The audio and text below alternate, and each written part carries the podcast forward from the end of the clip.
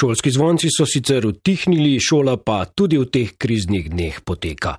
Na nekaterih šolah so se dela na vse resno lotili že minuli ponedeljek, nekateri ravnateli pa so se odločili za teden dni prediha in premisleka, kako zastaviti delo. Natančnih navodil namreč šole niso dobile, tudi zaradi hitrosti, s katero so se ukrepi sprejemali.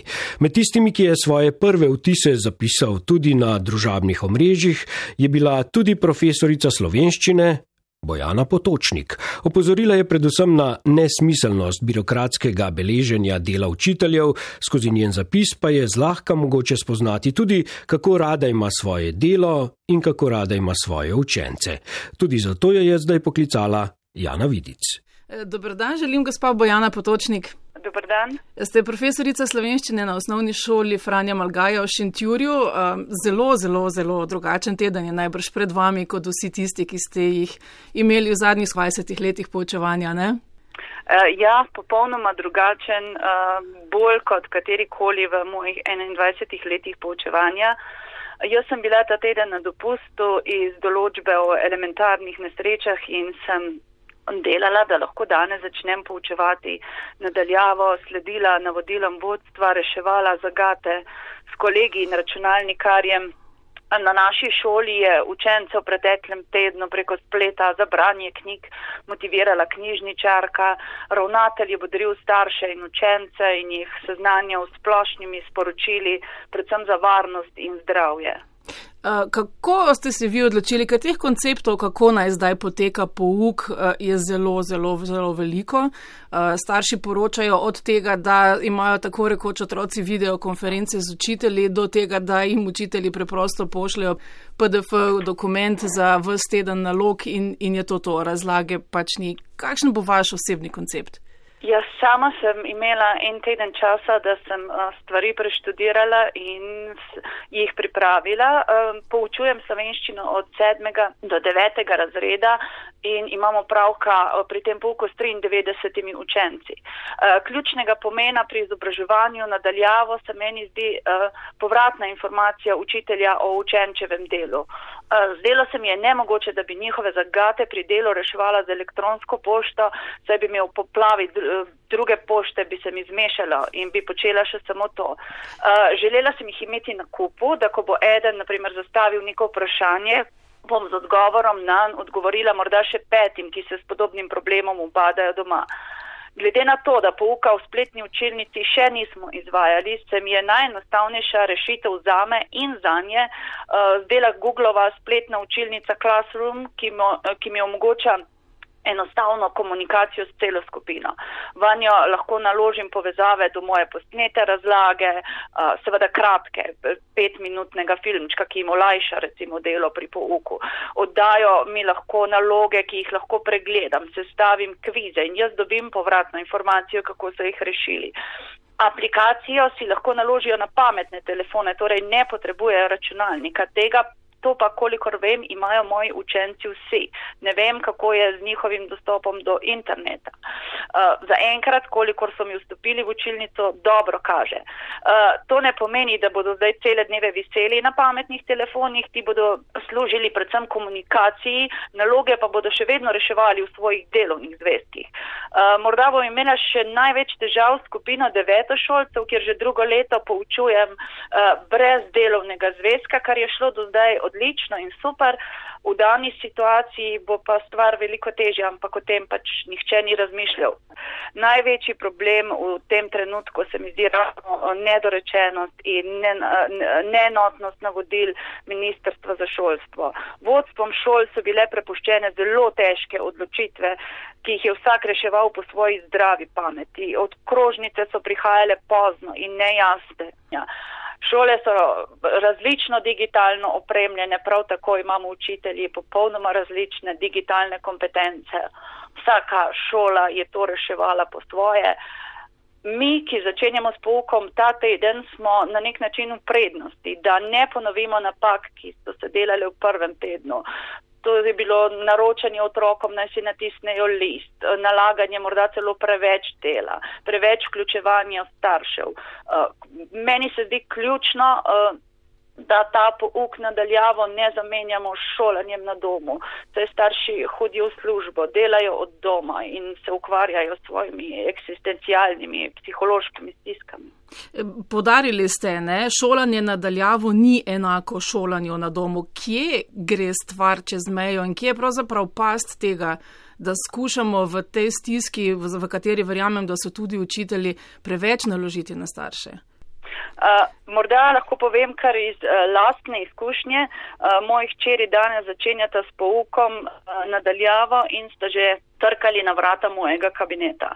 Odslovim jo in rekla, naj najprej naredita, kar znata, ker jaz zdaj le ne utegnem in jima bom pomagala kasneje.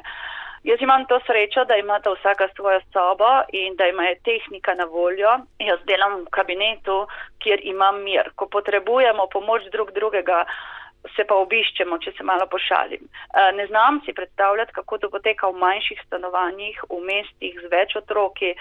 Zato je res ključno, da učitelji eh, premislimo, kako zastavimo delo, jih bomo zares obremenjevali na daljavo tudi res z interesnimi dejavnostmi, razširjenim programom. Pomembno je res, da ostanemo nekje v, v, v mejah uh, tega zdravega razuma. Bojana Potočnik, kaj pa otroci z učnimi težavami, tisti, ki so že prej potrebovali ločeno dodatno pozornost, dodatno razlago. Če bo tole trajalo, kako bo z njimi? Ja. Z učenci, ki imajo odločbo na naši šoli, izvajalci dodatne strokovne pomoči, spostavljamo direktni stik ali preko starša ali otroka in izhajamo iz uh, njegovih potreb. Vsak res rešuje po svoje, ker gre uh, pri tej skupini za velike specifike. Problem so tudi poleg učencev z učnimi težavami tudi učenci tujci, ki jih naš šolski sistem po dveh letih izenači z našimi otroki glede ocenjevanja tudi pri materinščini, eh, kar že leta upijem, da je nemogoče, se niti naši učenci, ki so rojeni govorci, nekaterih standardov ne morejo usvojiti. Kako zdaj vzpostaviti stik, če me v razredu težko razumejo in ne morejo slediti uh, delu. Uh, za nekatere sploh ne vemo, če so v, v, v naši državi. Ne? Zdi se mi, da smo nekatere skupine, ciljne skupine kar pozabili in da se vse javnosti nisem zasledila. Uh, da se veliko govori o tem. Kako je z opremo? Vi ste prej omenili, da konkretno vaši učenci sicer imajo dostop, ko se učitelji pogovarjate med seboj tudi iz drugih šol, je dostopnost do interneta, do prave opreme velik problem? Ta dostopnost dejansko nimamo podatka. Raz, eh, kar se pa naprav tiče, pa moram pohvaliti, da so se nekatere šole celo ponudile, da pomagajo staršem z nabavo računalnikov, kako so se do njih dokopale, eh, niti ne vem, eh, mogoče nekaj iz lastnih zalog. Ljudje so, učitelji so in ljudje so pripravljeni zelo pomagati. Eh, recimo jaz sem jih sama preusmerila z delom na eh, pametne telefone, za katere vem, da jih res mislim, da vseh mojih 93 otrok ima. Ne predstavljam si tudi, kako je poučevati v, v prvi tri radi, tam, ključe, tam se je res nemogoče izogniti temu vključevanju staršev.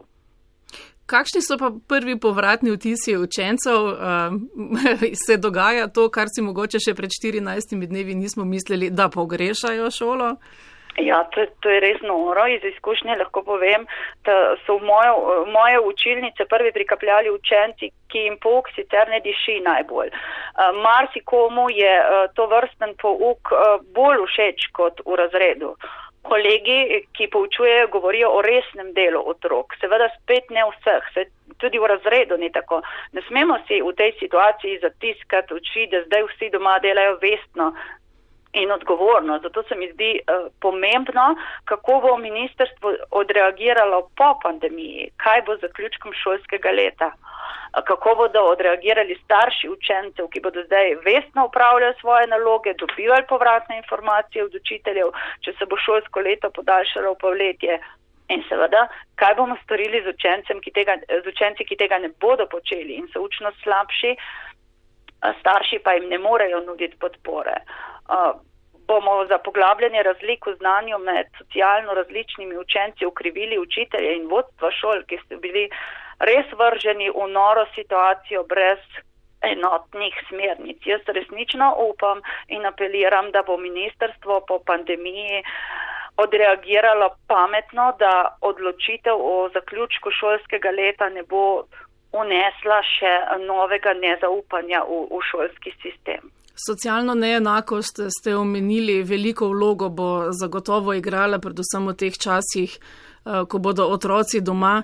Eh, vi ste bili tisti, ki ste pred leti jasno povedali, da so lačni otroci v naših, ne pa v afriških šolskih klopeh. Eh, za to izjavo so vas bravci časnika večer nagradili tudi z nagrado Bob leta. Razmišljate te dni, Bojana Potočnik, tudi kaj o tem, koliko jih je zdaj brez pravega obroka, brez prave podpore, kako posebej težak čas je to zdaj, zdaj, zdaj za nje? Uh, sem, uh, zasledila sem članke tudi v medijih, poslušala Anita Ugolin. Uh, zdi se mi, da učitelji zaradi vseh teh odredb o varstvu podatkov vedno težje prepoznavamo uh, te otroke, kar je izredno slabo. Revščina postaja vse večja stigma in ljudi se vedno bolj krivi, uh, da so sami krivi za njo. Uh, uh, najmanj je pravično, da za to krivimo otroke. Slovenske šole imajo odlično organizirano prehrano, sistem prehrane, ki se seveda tako kot vse veliko krat kritizira. V danih razmerah se kaže, kako v resnici je dober ta deja, e, sistem šolske prehrane in kako dejansko dela čudeže. Se že več kot desetletje otrokom pripravljamo malico, mislim, da za enotno ceno 80 centov. Morda bo ta situacija pokazala, da so nekatere stvari v slovenski šoli res dobre in kako pomemben je projekt botarstva in drugih humanitarcev, ki delujejo takrat, ko pa odpove država. In kako zelo pomembna varnostna mreža je lahko šola za tiste otroke, ki imajo doma vse pravi kot varno okolje. Pravite, Bojana Potočnik, da veliko jočete te dni, čeprav ste bili uradno na dopustu.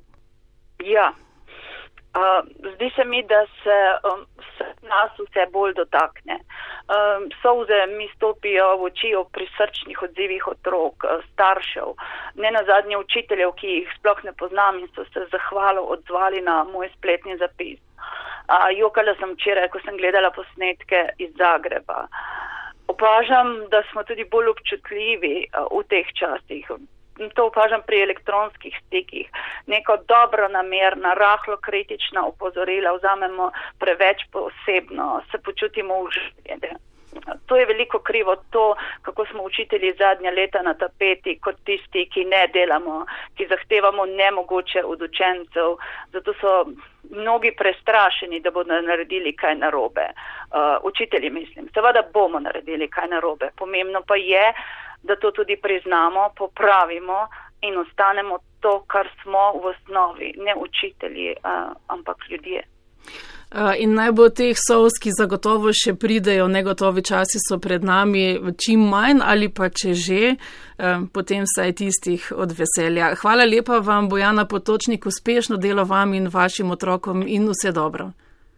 Hvala, hvala vam za povabilo, da sem imela priložnost povedati to, kar v resnici doživljamo učitelji v praksi in učenci in starši in vsi, ki smo se znašli v tej nori situaciji. Vsem želim uh, veliko zdravja in uh, držimo in upajmo, da se kmalo srečamo v resničnih prostorih in začel v oči. Drži.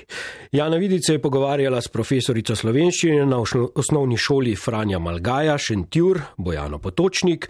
V nadaljevanju programa na valu 202 pa se povežemo še s psihologinjo na osnovni šoli, ki je ob enem tudi predsednica Zveze prijateljev mladine Maribor.